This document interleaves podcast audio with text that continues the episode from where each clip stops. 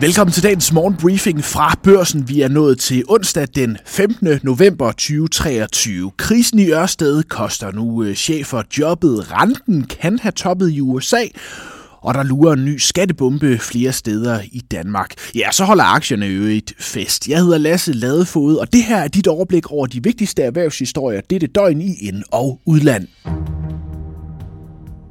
En af landets største virksomheder er i krise. Børsnoteret Ørsted, der fortsat er 50,1% ejet af staten, er styrt dykket på børsen i år efter en række nedskrivninger og forfejlede vindprojekter, især i øh, USA. Ørsteds krise er en del af en global tendens, men nu handles der i ledelsen, og tirsdag blev både finansdirektøren og driftsdirektøren fyret med øjeblikkelig virkning. Øjnene hviler øh, også på øverste chef Mads Nipper. Han er ikke stillet op til øh, interview i forbindelse med fyringerne. Vi har i stedet spurgt bestyrelsesformand Thomas Thune Andersen om sagen, og i et skriftligt svar til børsen skriver han, at bestyrelsen har fuld tillid til Mads Nipper og Ørsteds øvrige ledelse.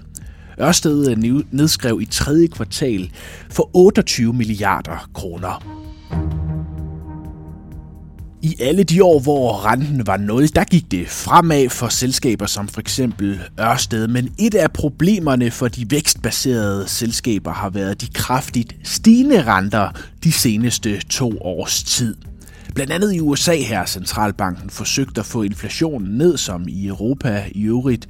Nu er der om, syd, om sider øh, gode nyheder i den henseende, i hvert fald i USA. Friske tal tirsdag viste, at inflationen i USA nu er nede på 3,2 procent. Sidste år toppede den over 9 procent.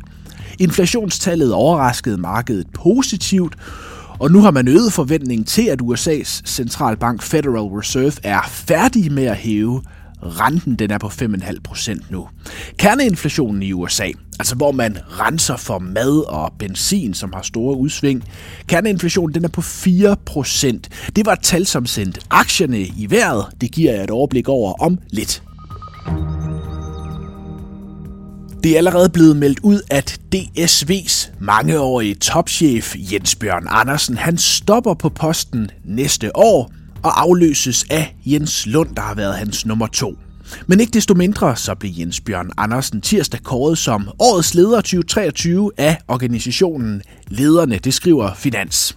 Jens Bjørn Andersen han har siddet øh, på posten i 15 år, men kåringen her den kommer midt i lidt af en mediestorm for DSV, der har investeret 17 milliarder i det saudiske byprojekt The Line – det er øh, den der 170 km lange glasplade i ørkenen, hvor der skal bo 9 millioner mennesker planmæssigt. Og den investering fra øh, DSV har mødt kritik, men Jens Bjørn Andersen han siger, at citat, det var det rigtige for DSV at engagere os i verden og prøve at påvirke det her projekt med vores værdier, i stedet for at blive hjemme i sofaen og lade nogle andre gøre det, siger øh, Jens Bjørn til Finans.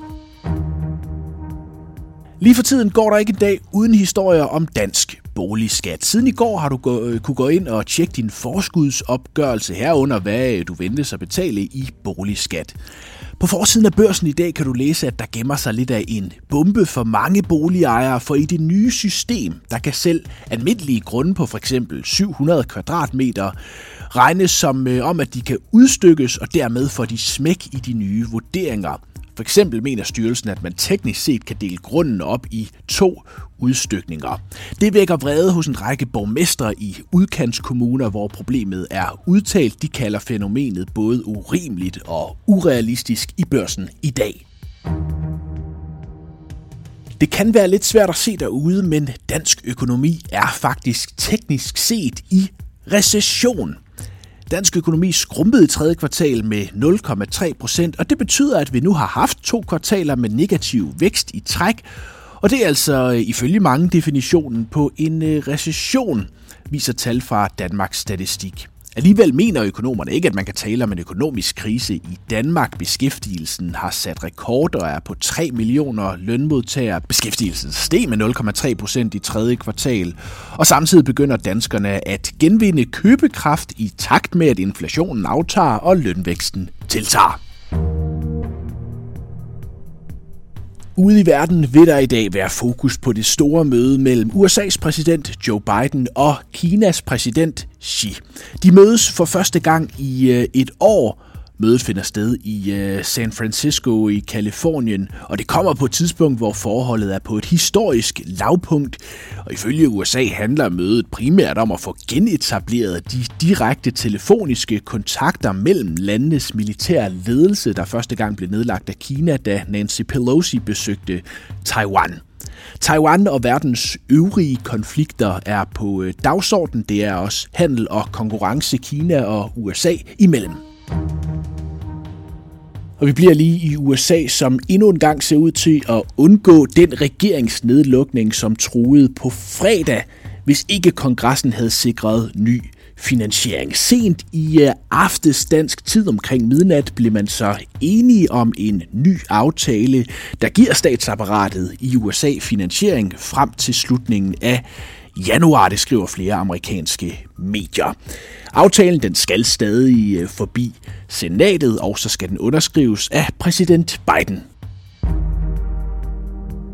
Til et kig på markederne, hvor der er gang i den lige nu. Inflationstallet i USA sat gang i et rally. S&P 500 havde sin bedste dag siden april måned. Det steg 1,9 procent. For tech-aktierne gik det endnu bedre. Nasdaq steg 2,4 procent. På obligationsmarkedet der faldt den 10-årige amerikanske rente til under 4,5 procent. Den var for nylig over 5. Det er traditionelt eh, godt for aktier, særligt eh, tech-aktier, når renten falder. Nasdaq er steget med næsten 10% her i øh, november. En af tirsdagens store kurstabere i USA blev danske Henrik Fiskers elbilfirma Fisker, som faldt med næsten 19% på en regnskabsskuffelse. I kig på Danmark, her steg c 25 1,5 procent, og nogle af de mest pressede, såsom Ambu og Ørsted og GN endte i toppen, de steg alle over 6 procent. Novo Nordisk endte for en sjælden gang skyld i bunden. Tiden går hurtigt, men i disse dage er det cirka et år siden, at ChatGPT blev lanceret og på mange måder gav kunstig intelligens sit folkelige gennembrud. Bag ChatGPT der står selskabet OpenAI. Deres topchef er øh, den i tech-miljøet kendte Sam Altman. Han holdt for nylig et øh, stort event, hvor han præsenterede fremtiden for øh, ChatGPT. Chefredaktør på børsen, Nils Lunde, han hørte præsentationen og lavede en podcast om det. Jeg har arbejdet med Nils Lunde i mange år efterhånden, og han er ikke nem at imponere, men det er han af det, han hørte fra Sam Altman og ChatGPT. Her kommer et sammendrag. Han fortalte, at de er klar med en ny, såkaldt en turbo-udgave af ChatGPT 4, som er opdateret med data frem til april 2023, og den vil derfor kunne give svar på begivenheder frem til skæringsdatoen. Den er også blevet gjort større, så den kan forstå mere omfattende spørgsmål og give mere gennemtænkte svar. Han fortalte også, at ChatGPT nu har 100 millioner ugenlige brugere. Og mit bud er, at det, som Sam Altman fortæller i de cirka 6 minutter, det vil ændre vores verden, som vi kender den. Både som private mennesker og som virksomheder. Det handler om, at OpenAI vil gøre det muligt for alle, både mennesker og virksomheder, at bygge deres egen chatbot, og også at OpenAI vil lave en såkaldt store, en forretning, en slags markedsplads, hvor eksterne brugere kan lægge deres chatbot op og tjene penge på den. Ja, du kan høre det hele i podcasten Topchefernes Strategi med Nils Lunde. Tak fordi du lyttede til denne podcast. Vi er tilbage med en ny briefing i morgen samme tid. Indtil da have en rigtig god dag.